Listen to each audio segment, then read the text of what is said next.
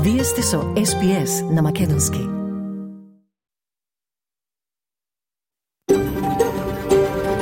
SBS, a world of difference. You're with SBS Macedonian on mobile, online, and on radio. Вие сте со SPS на Македонски на мобилен, преку интернет и на радио.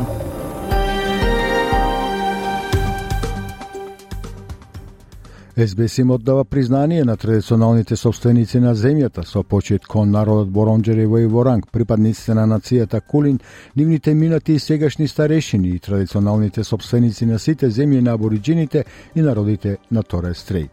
Добар ден, денес четврток, 7 септември, со вас ке биде Васе Коцев. А по генералната најава следуваат најновите вести, а по нив и извештајот од Македонија со најновите настани – Од прилозите на домашни теми ќе слушнете за парламентарната истрага што треба да ја прииспита одлуката на федералната влада да го блокира Катар Ервес да ги изголеми своите летови во Австралија. Исто така имаме прилог и за најновиот извештај за домување кој открива дека достапноста до дом е на најлошо ниво во последните три децении. Денес имаме и разговор со Коста Колевски, председател на културно-уметничкото друштво Танец од Мелбурн. Тема на разговор намалувањето на бројот на играорци. Останете со нас, следуваат најновите вести.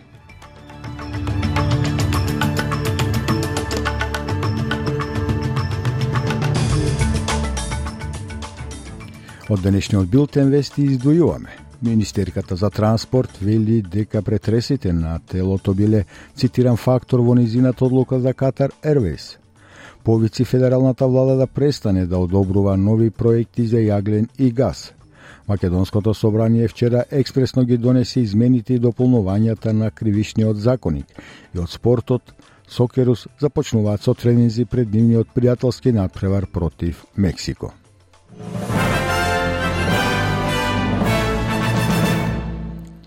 Федералната влада презема чекори кон реформирање на воздухопловниот сектор објавувајќи нова зелена книга за воздухопловството денес, четврток 7 септември. Тој го прикажува планот на Австралија да им одобри дозвола на странските авиокомпании да додадат дополнителен капацитет на летовите, потек со кој се бара да се обезбеди поконкурентен авиацијски сектор за да се задоволи зголемената побарувачка. Министерката за транспорт Кетрин Кинг бара повратни информации од јавноста и од индустријата за новата долгорочна стратегија за воздухопловниот сектор. Господја Кинг вели дека Зелената книга разгледува како да се префрли воздухопловниот воздухопловната индустрија во Австралија на нето нула. We are, as I said, seeking to deliver a more competitive aviation sector. It covers issues of competition. It covers issues in relation to complaint handling processes, uh, particularly when it comes to canvassing whether we do need a consumer bill of rights when it comes to aviation. It covers issues which have been at the forefront of my mind, particularly around accessibility of Australians who have a disability. Тоа доаѓа во период кога федералната влада се сочува со прашање во врска со низината одлука да го блокира Катар Airways да додава дополнителни летови во Австралија. Авиокомпанијата побара додавање на 28 дополнителни летови неделно на австралискиот меѓународен авиацијски пазар, но беше одбиена. Министерката за транспорт Кетрин Кинг предложи инцидент во 2020 година кога жените беа симнати од авионот Катар Ервес под закана со оружје и подложени на телесни претреси како инспирација за незината одлука. Либералниот пратеник Кит Пит ја критикуваше господја Кинг. Let's just look at reality here. We've had two Labor ministers go out, one who said you can't define the national interest. I'm pretty sure any high school kid could do that. Uh, and secondly, uh, we saw another that said they had to protect the national carrier. Well, how about we protect the Australian people? How about we protect them from prices that they shouldn't have to pay, which are exorbitant? We've seen reports recently in the media that, in fact, Qantas allegedly booked ghost flights, planes that would never take off. I think that is a disgrace. Водачите на верските заедници ги повикуваат верските заедници да го поддржат случајот да на престојниот референдум глас до парламентот. Националниот мултиверски сојуз ќе започне национален викенд на молитва, медитација и размислување за да поттикне единство и почит пред референдумот.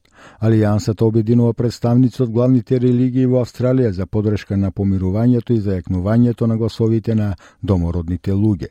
Настани, вклучувајќи семинари и едукативни сесии, ќе се одржат во големите верски институции во сите поголеми градови во текот на викендот. Председателот на Исламскиот совет на Викторија, Адел Салман, изјави за ABC дека гласот до парламентот нуди пат кон помирување и правда за луѓето од првите нации. The indigenous people of this land, they are, they've been here for thousands and thousands and thousands of years. They do have a unique place in Australia.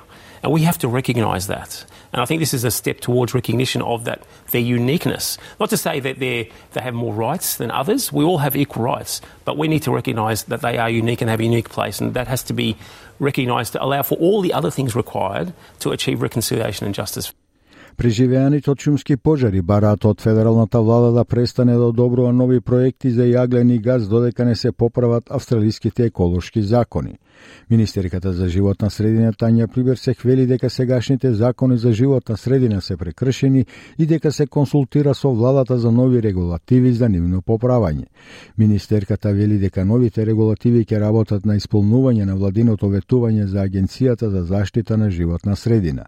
Џо Доц, председател и коосно коосновач на преживеаните од пожари за климатските активности, вели дека заедницата се е исцрпени и одобрувањето на нови проекти за фосилни горива ќе стави се повеќе луѓе во опасност. Climate change means bushfires are getting hotter, less predictable and more destructive.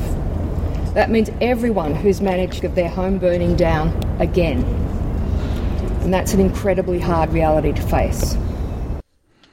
Владата на Нов Јужен Вил се објави 1,8 милиарди долари во следната фаза од неизината транзиција кон планот за обновлива енергија. Финансирањето ветено во следниот буџет вклучува 1 милиарда долари за основање на корпорација за енергетска безбедност која ќе работи на проекти за обновливи извори на енергија, како што се батериите и складирањето во заедницата. Корпорацијата исто така ќе ги реши празнините на пазарот на обновливи извори на енергија и ќе ја подобри доверливоста на електричната мрежа. Премиерот Крис Минс вели дека финансирањето ќе ги изголеми работните места и ќе го поддржи исполнувањето на целите за намалување на емисиите на јаглерод. This is an exciting announcement. It will generate 5,000 construction jobs in the central west of New South Wales during that construction phase. It's about $10 billion worth of private sector investment in regional New South Wales. It'll make a big difference to those towns and those cities, and it's a crucial part of the renewable energy architecture to ensure that we meet our targets for emission reductions and renewable energy transition in the state of New South Wales.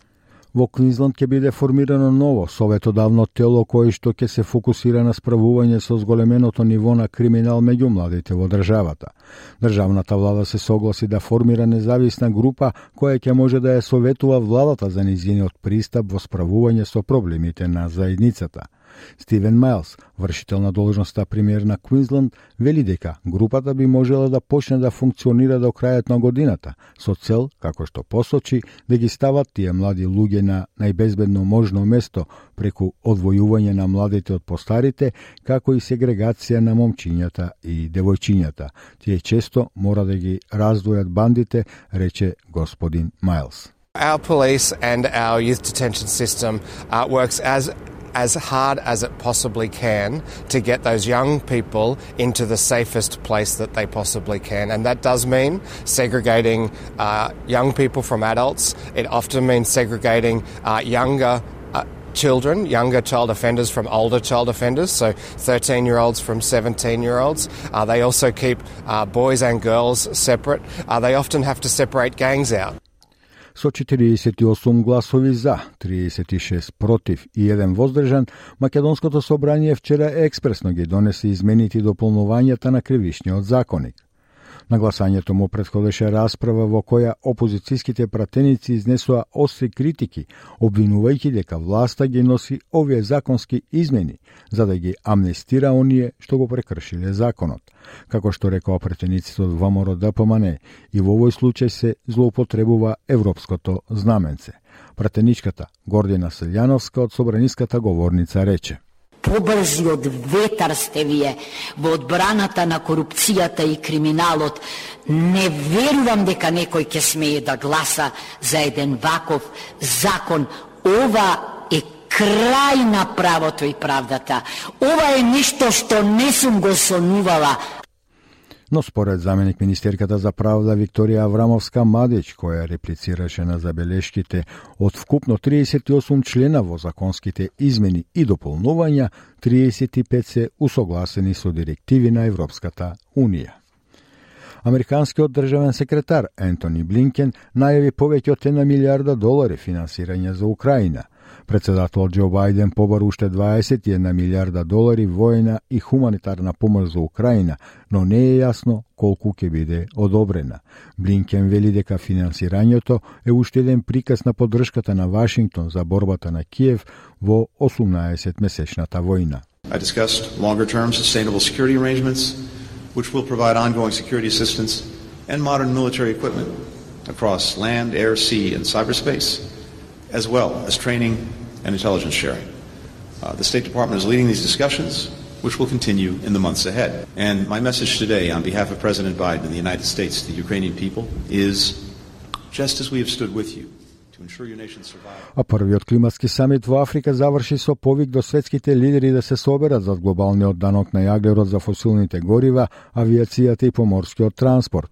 Тој се стреми да го реформира светскиот финансиски систем, што ги принудува африканските нации да плаќаат повеќе за да позајмуваат пари и да паднат под лабоко во долгови. Декларацијата ги повикува неголемите светски емитери на стакленички гасови што ги затоплуваат планетите и низините небогати земји да ги одржат своите ветувања патувања. Председателот на Кенија Вилијам Руто вели дека мултилатералните институционални рамки ги ставаат африканските нации на задната страна. We demand a fair playing ground for our countries to access the investment needed to unlock the potential and translate it into opportunities. We further demand a just multilateral development finance architecture to liberate our economies from odious debt and onerous barriers to necessary financial resources. И од спортот, селекцијата на Австралија ги започна своите тренинзи на тлото на сад пред пријателскиот фудбалски надпревар против Мексико следниот понеделник 11 септември во Далас. Греам Арнолд не се сочува со никакви проблеми со повреди и треба да ги има на располагање сите негови играчи пред надпреварот, што ќе послужи како одличен тест за Азијскиот куп во 2024 година и квалификациите за светското првенство во 2026 година.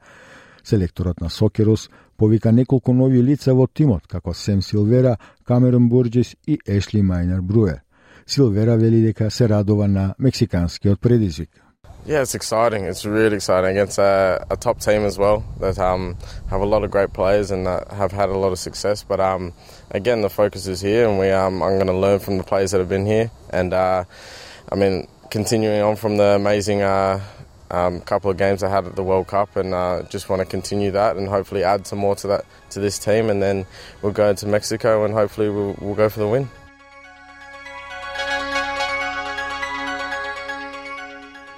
Од најновата курсна листа денеска еден австралиски долар се менува за 0,59 евра, 0,63 американски долари и 36,30 македонски денари, додека еден американски долар се менува за 56,92 македонски денари, а 1 евро за 61,6 македонски денари.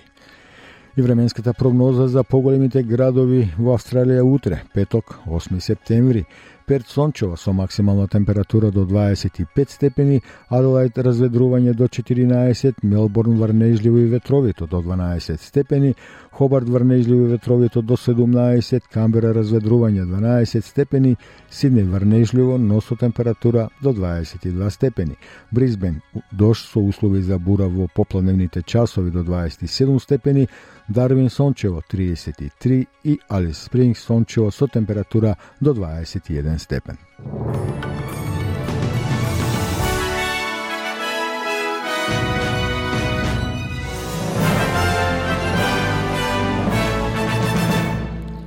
На програмата на македонски јазик на СБС радио го ги слушавте новите вести, а денешните вести можете да ги најдете подоцна во текот на денот на нашата веб страница sbs.com.eu косацата Macedonian или на Facebook страницата SBS Macedonian. Останете со нас, следува првиот блок маркетинг, а по него и извештајот од Македонија. Слушате СБС радио програма на македонски јазик. Следува извештајот од Македонија, подготвен денес од нашиот соработник Милче Јовановски, известува на повеќе теми меѓу кои за тоа дека власта експресно ги намали казните за злосторничко здружување и злоупотреба на службена должност, а тоа пак предизвика бура од реакции во јавноста. Според пратеникот и лидер на Левица Димитар Апасиев, СДСМ, ДУИ и ДПМН заеднички ги намалуваат казните и роковите за застареност. СДСМ и ДУИ се подготвуваат за опозиција, но одговорност ќе има коментираше лидерот на ВМРО ДПМН Христијан Мицкоски за предложените промени на кривичниот законик. За овие и за останатите теми што ги подготви нашиот сработник Милчо Јовановски пообширно во извештајот.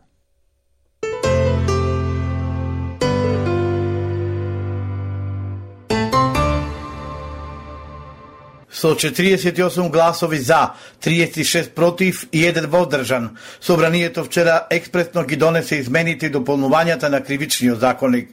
На гласањето му предходеше расправа во која опозицијските пратеници изнесоа остри критики, обвинувајќи дека власта ги носи овие законски измени за да ги амнестира оние што го прекршиле законот.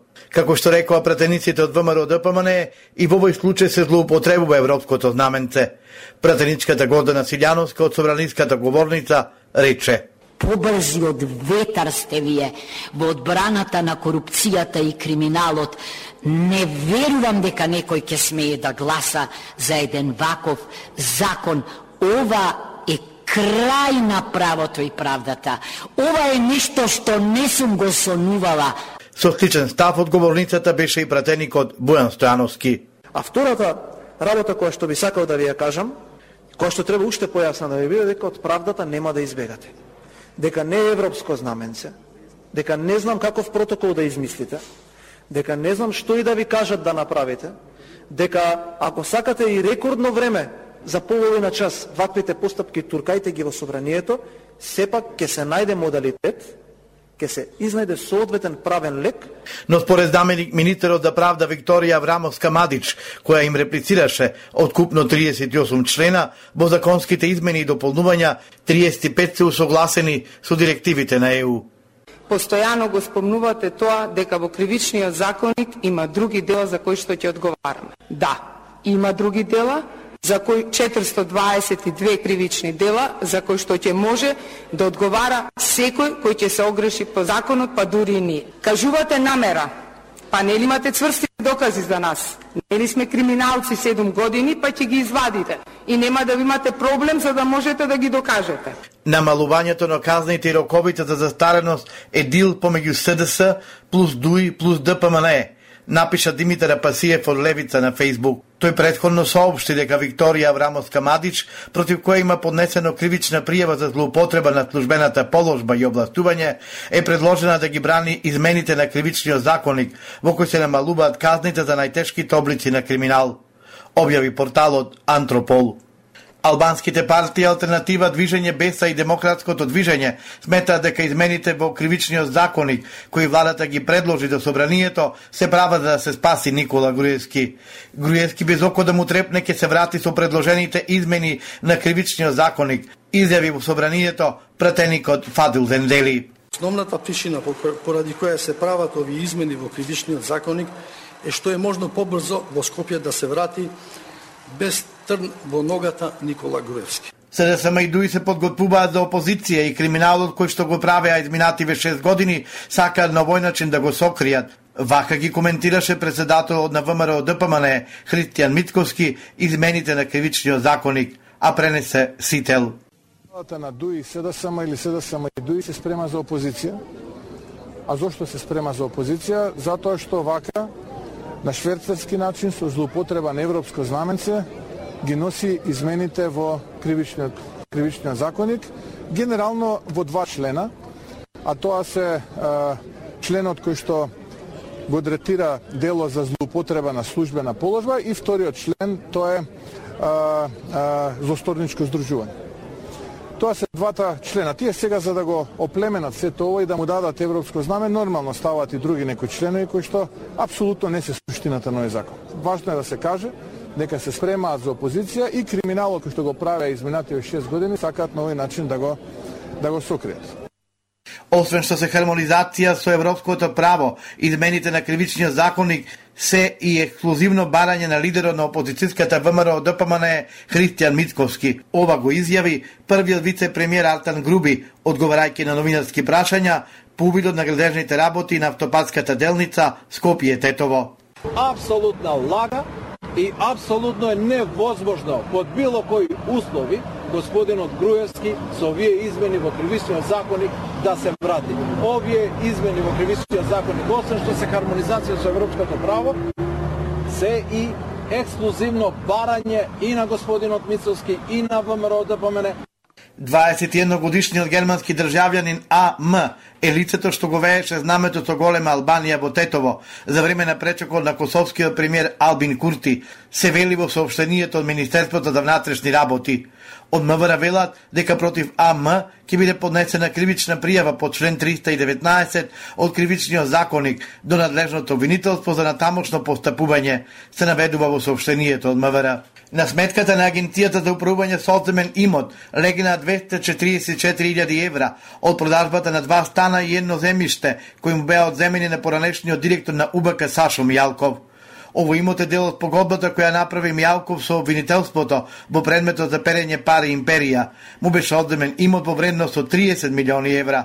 Двата стана кои се продадени се сместени во елитниот комплекс на една од плажите Горица во Охрид. Земјиштето е од неколку стотини квадрати кое купецот на имотот од агенцијата не може да откријат, се додека името и презимето на новиот собственик не биде впишано во имотниот лист. Парите од продажбата од сметката на агенцијата ќе бидат префрлени во буџетот на државата. Во случајот Империја Сашо Мјалко призна вина и се спогоди со обвинителството, а казната беше 3 години затвор и оземање на имот, меѓу кои 25 станови и парцелата до хотелот Мериот. На програмата на македонски јазик на Избес радио го слушнавте извештајот од Македонија, денес подготвено нашиот соработник Милчо Јовановски. Во продолжение почитувани следува една песна, а потоа и вториот блок маркетинг, со што програмата подосна ќе ја продолжиме со прилози на домашни австралијски теми. Слушате Извест радио, програма на македонски јазик. Денес со вас е Васе Коцев. А, програмата ја продолжуваме со прилози на домашни австралијски теми. Имено Собраниската истрага треба да ја истражи одлуката на федералната влада да го блокира Катар Ервес, да ги зголеми своите летови во Австралија. Истрагата доаѓа по наводите дека Квантас извршил притисок врз владата да ги попречи плановите за проширување на Катар Airways, што доведе до зголемување на авионските билети и намален туризам. Предлогот за истрага тесно помина во Сенатот со обвинување дека владата го фаворизира Квантас пред конкуренцијата во воздухопловниот сектор. Прилогот за SBS News го подготви Есам Ел Галип. Вие сте со СПС на Македонски.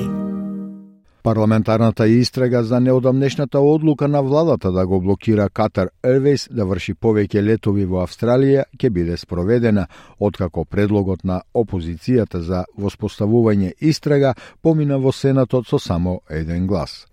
Истрагата беше покрената откако беше откриено дека Квантас лобира кај федералната влада да го блокира Катар Airways да ги прошири своите операции на австралискиот пазар. Сањаја Сенајеке е вореден професор на Австралискиот национален универзитет. Зборуваше за ABC и рече дека меѓу другото дека приказната за Катар е за тоа што Катар Airways сака да го удвои бројот на летови што ги има во Австралија. Тоа значи дополнителен лет на ден до Сиднеј, Мелбурн и Бризбен. The Qatar story is about Qatar Airways wanting to double its the number of flights it has into Australia, so uh, an extra flight a day into Sydney, Melbourne, and Brisbane. And the Transport Minister apparently declined that offer, and I think the Assistant Treasurer said something about uh, wanting Qantas to see Qantas do well and make a good profit, etc. Сенејаке вели дека ако не се дозволат тие дополнителни летови, патниците плаќаат повеќе, што влијае и на туризмот. 70 од летовите за Европа функционираат со Квантас и Емирац, но се уште има многу летови кои не се во функција. Тоа може би вели Псенејаке дека ќе доприносе за околу милиарда долари да се изгубат со намален туризам и додава дека на вистина би било убаво да се пушти Катар на пазарот и да им се дадат тие дополнителни летови, а со тоа да им се дозволи на австралиските граѓани да имаат и поевтини летови. We're also seeing 70% of uh, flights to Europe up and running with Qantas and Emirates, but there still are a lot of flights which aren't up and running, which means there's a pressure on seats and that flights are, are far more expensive than what they could have been. There's a billion dollars that will be lost by reduced tourism and freight. And all this is by supporting a company. Yes, it's Australian, but it went private in 1995 and it's beholden to its shareholders, not to us. So I think. I really think it would be nice maybe to let Qatar in and give us those extra flights and let the Australian citizens have some cheaper flights. Предлогот за формирање на истрага беше представен од сенаторката Бриджит Маккензи. Тој помина со тесна разлика во Сенатот со 32 гласа наспроти 31 против. Сенаторката Мекензи ја обвини владата дека управува со, како што го нарекува, заштитен рекет за Квантас. Minister, if all our major airlines except one and Labor states competition experts and tourism industries as say let them fly, who is this government protecting uh, when it claims Senator the decision McKenzie, was in the national Senator interest? McKenzie. Новата истрага доаѓа откако премиерот Ентони Албанези потврди дека разговарал со извршниот директор на Virgin Australia пред одлуката да го блокира барањето на Катар, но не и со директорите на Квантас. Сенаторката Мекензи вели дека владата се помирила со Кванта за низа прашања, наведувајќи ги односите на премиерот Ентони Албанези со поранешниот шеф на Квантас, Алан Джойс, и поддршката на Квантас за домородниот глас до парламентот како можни причини зошто тоа го направиле. Why have they doubled down? Is it because of Mr Albanese's personal and political strong relationship with not just Alan Joyce, but with Qantas as the flagship bearer for his Yes campaign. Why was Qantas, why was aviation ruled out of the government's competition review? And why did they reject the application for Qatar Airways, which we know would have put downward pressure on prices? Сенаторот на Националната партија Мет Канаван вели дека Лабористичката партија и Зелените за малку ќе запреа истрагата да продолжи. Тој вели дека владата застанува на страната на големиот бизнис, а на сметка над обичните австралици. Why is the Labor Party still running a protection racket for Qantas? Uh, I mean, people across the country have been screwed uh, by Qantas, but uh, the Labor Party seem to have a very cosy relationship with big business, with Qantas, and don't seem to be on the side of the Australian consumer right now. Uh, why didn't they vote for an inquiry? Uh, what have they got to hide here? Авиокомпанијата доживува турбуленции и на друг фронт. Синдикатот на транспортните работници го критикува кванта за распуштањето на основната работна сила преку аутосорсинг низ 38 различни ентитети и посредници за изнајмување работна сила. Работниците го повикуваат парламентот да ги забрза законските реформи насочени кон затварање на дупките за вработување на работната сила што ги користеше Квантас. Тие резултираа со замена на добро платените стабилни работни позиции, со послабо платени вработувања, со скратено работно време и повремено работно време.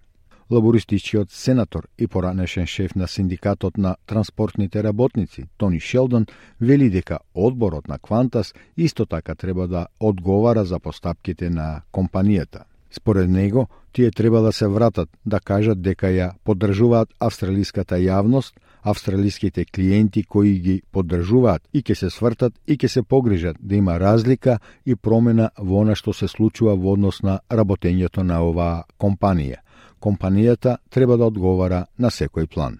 They need to turn around and say they're backing the Australian public, they're backing Australian customers, and they're going to turn around and make sure there is a difference and a change to what's happening with regards to this company's operation.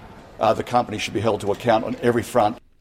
Министерот за односи на работното место, Тони Бърк, вели дека користењето на квантас за вработување луѓе, односно работна сила, била обемна. As employment minister, as workplace relations minister, I've been very conscious that when we talk about the labour hire loophole, most companies don't use it. But Qantas is a company that has been using the labour hire loophole in a pretty extraordinary way. My objective is to make sure that people at Qantas are paid fairly. За дополнително да ги искомплицира работите за авиокомпанијата, Австралиската комисија за конкуренција и потрошувачи покрена акција пред Федералниот суд, тврдејќи дека проблематичната авиокомпанија имала лажно, погрешно или измамливо однесување откако продолжила да продава илјадници билети кои веќе биле откажани. Организацијата за заштита на потрошувачите се надава дека на Квантас ќе му биде изречена рекордна казна за прекршување на законот за потрошувачи, доколку неговите наводи за откажаните огласени билети на авиокомпанијата се покажат како точни. Председателката на Австралиската комисија за конкуренција и потрошувачи, Джина Каз Готлип, би сакала авиокомпанијата да плати повеќе од двојно од постојната рекордна казна од 125 милиони долари, што му беше изречена на Volkswagen уште во 2019 година. Со оглед на тоа што авиокомпанијата се соочува со толку многу предизвици, господин Џојс одлучи предвреме да замине од компанијата. Во изјава за ASX тој рече дека му станало јасно дека фокусот на Квантас треба да биде на обновување. Ванеса Хадсон на 6 септември ја презеде улогата на извршен директор и главен извршен директор на групацијата. Таа е првата жена на чело на авиокомпанијата. Вие сте со СПС на Македонски. Токму така, вие сте со СБС на Македонски, во вложение уште еден прилог на домашна тема. Новиот извештај за домување дава мрачна слика за австралијците кои се надеваат да купат дом, со што се открива дека достапноста на становите е на најлошото ниво во последните 30 години. Тоа е поттикнато од зголемувањето на цените на куќите и хипотекарните стапки. Од прилогот на Катриона Стират и Махас Ангури за SBS News, а на македонски ќе го слушнете од колешката Маргарита Василева. Слушате прилог на македонски на SBS Audio со Маргарита Василева. Новиот извештај за домување дава мрачна слика за австралиците кои се надеваат да купат дом, со што се открива дека достапноста на становите е на најлошото ниво во последниве три децени. Тоа е потикнато од зголемувањето на цените на куќите и хипотекарните стапки. Од прилогот на Катриона Стерат и Махнас Ангуди за SBS News.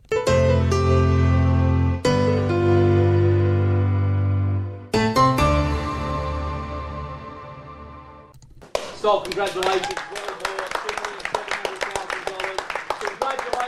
Големиот австралиски сон за поседување дом е на вистина реалност за некој. I think you know by the time we will be in here for Christmas, so that's that sounds great. I guess you know it comes to a point where you know you, you don't find houses like this often in the market, so you got to pay the premium to get it.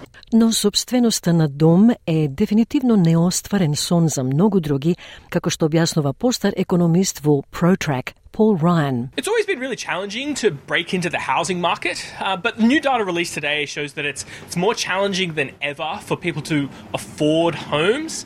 At the same time, as home prices have increased over the past 30 years, it's harder and harder to save for a deposit. So, first home buyers in particular are finding it particularly challenging.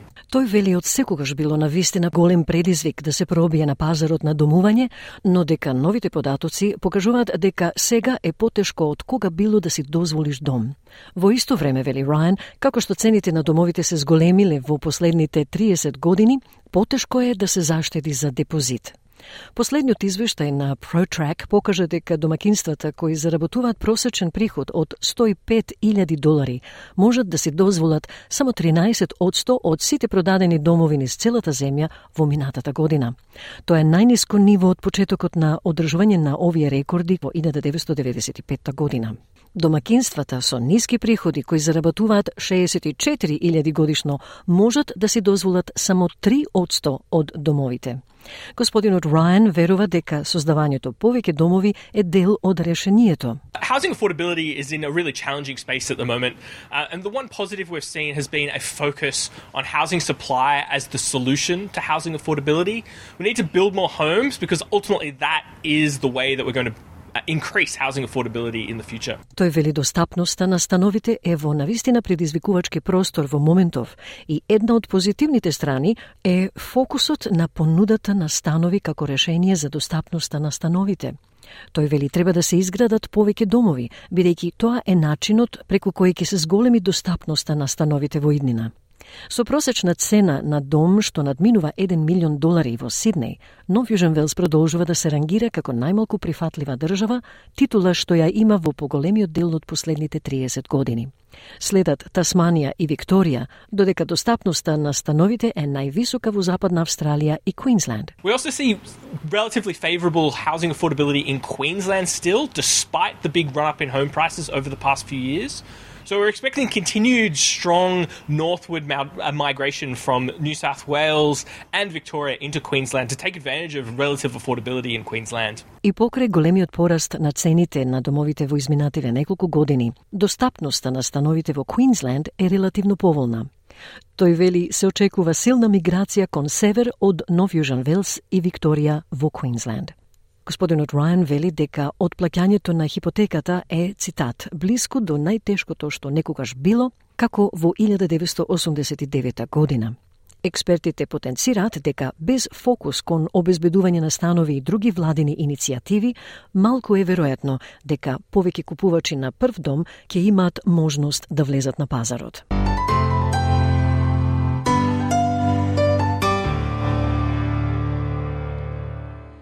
Ете тоа беше прилогот подготвен од колешката Маргарита Василева за новиот извештај за домување кој се пак дава мрачна слика за австралијците кои се надеваат да купат дом со што се открива дека достапноста на становите на најлошото ниво во последните три децени. А и едно подсетување до вас, почитувани, доколку сакате да слушнете дел од нашите интервјуа, прилози и видеоклипови на разни теми, треба да ја посетите нашата Facebook страница SBS Macedonian или да ја посетите веб страницата sbs.com.eu косацрта Macedonian. Во продолжение следува уште еден блок маркетинг, а пото следува разговор со господинот Коста Колевски, председател на културно-метничкото друштво Танец. Како што најавивме пред рекламниот блок, следува разговор со Коста Колевски, председател на културно-метничкото друштво Танец од Мелбурн. А тема на разговор ќе биде тоа што бројот на играоци во културно-метничките друштва во Викторија постепено се намалува, а организаторите со забрзано темпо се обидуваат да најдат начин како да ги задржат во живот. Така, например, ансамблите кои пред пандемијата на COVID-19 гордо се представува и со 3 до 4 групи на разни возрасти, сега некои од друштвата не можат да прирадат настап, а други пак, како на пример културно-метничкото друштво Бисер од Джилонг, повеќе и не функционираат како играорен состав. Од разговорот со господинот Коста Колески ќе слушнете кои се причините за тоа и како а, гледат тие да најдат решение да се надмине овој проблем. Со господинот Колески разговара колешката Маргарита Василева.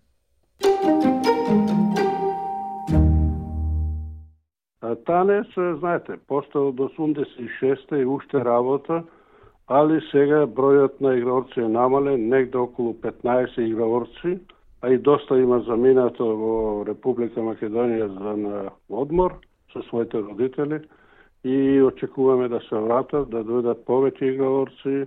Ние тренираме секој понеделник од 6 сато до 8 во Томасто Лайбери на Мајстри, секој понеделник. Да. Само не тренираме за скулоладе и паблик оваде. Ако има, тренираме, значи ние се одржуваме со намален број во моментот и преземаме мерки да дојдат повеќе играорци. Танес како танес е доста финансиски добро се држиме, а и плюс имаме нај, најповеќе носи овде во Викторија. Да, само да ме вратам назад. Велите дека имате околу 15 на играоци. Што да. значи тоа за групите? Имавте неколку групи на располагање. О. Колку групи ви овозможува 15 играоци да одржуваат? Една, една група, мешана група е таја, а ако праша за порано, танец имаше 250 играорци, имаше 5-6 групи во различни места.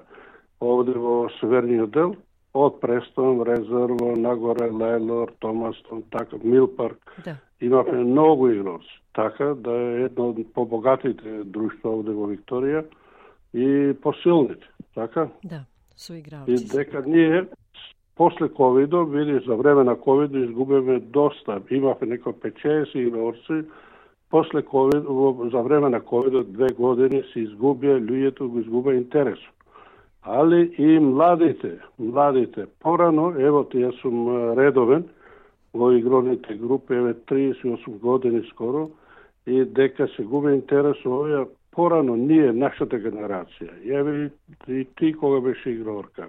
Наши родителите ги носиат децата редовно да игра во игроните групи. Ако не можеше тој да го донесе, ти работаат доста луѓе, комшијата ќе го себе, ќе го дојде заедно со неговото си помага едни со други. Да. Али сега видов една разлика дека овие младите се асимилира во австралиската овде енглеската заедница повеќе, Да. него ние. Ние порано си го знаеме нашето македонско и знаеме кај да одиме. Добро, кога А велите овие- аси, Косте, кога велите асимилираат, во кој смисол асимилираат? Одат во други организации, друштва? Да, да, одат игра, Пример? играат и тенис игра, да речеме фудбал игра, други спортови се што се пре како викао пинг-понг, та не знам што, секако игра на свимин, 300 други работи што има овде во Австралија, одат и соките, еве, и женските порано не одат да игра фудбал, сега одат. Пример, сега има те- Што не мора тоа да значи дека се асимилирани, но дека избираат спорт над фолклорот, така? Ali ne го интересира македонското, оде по енглеското. И тука е проблемот. Спортот е универзален. Не, Да, не мора да значи тоа- дека не го сакаат македонското. Некои а, други друштва со кого сме разговарале сметаат дека спортот им нуди нешто повеќе од колку што нуди орото и песната. Ама чекай, кој е добар играорец, да знаете ќе биде и добар спортиста, фудбалер или што било. Веќе веќе му се кршат нозите во игроните групи, игра доста сплетови и такви работи. Еве, ја што го имам поминато, што беа добри играорци во танец, да и добри фудбалери на Престо Македонија. Да не кажува имињата, да се знаат кои се и поздравувам тие, тие луѓе, што сега се возрастни луѓе. И тоа е друго интересот дека играорците поранешни се мажени, жените, нема интерес повеќе да ги носат своите дечиња во игровните групи. Тука е проблемот. Едно тука што се вај може да се направи дека еве сега да речеме помали дечиња скоро од почеток ќе се почне, па значи да почнеме од почеток, од и старите играорци 18 години навршуваат, зева коли, универзите одат, има своји обавези и тоа е оправдано. И така се губат по старите. Сега ни треба да се ориентираме повеќе на младите. Еве, имаме ние од 5 години дечиња и 4,5 едно дојде, девојче, и така се не мораме да почнеме од Старското оро, па од Марица, Елено и такви работи да ги да ги почнеме да да ги тренираме да почнат да игра. Мислите на свадба, ората што се играат по свадби ве, и, и Да, тоа. веселби, да. Добро. Оти на свадбата точно. Оти на свадбата не, не ти бара оро да играш ти драчевка или листуш или перисо. Ама, Не е лошо. не е лошо. Тоа е за очи добро тоа. Така? За око. Ама, ако рече, абе детето моје или чупето игра во танец, а, а не знае да, да го игра Старското оро или Марица или, или Пуштеното, што велеме тие. Значи за джаба му било играњето во игрона група. Така? Да. Прво основните ора, нашите традиционални да се научат, ако ќе порасне, да разбере, се разбира од 5-16 години нагоре, се разбира, нека игра сплетови, побрзо може да ги свате. Се Не може ние да играме да. на свадбата. Косте, да дали, дали таа филозофија сега ја поставивте и дали Да, како, да. какви резултати гледате сега? Гледаме дека е добро. Дека е Што добро. велете? Едно мало дете, дете вика е добро да се научат на овој начин прво, да почнеме од прво да опред, па после дојме нагоре. Дали тоа го применувавте на почетокот со воспоставувањето на, на групите? Дали почнувавте со овие основни ора?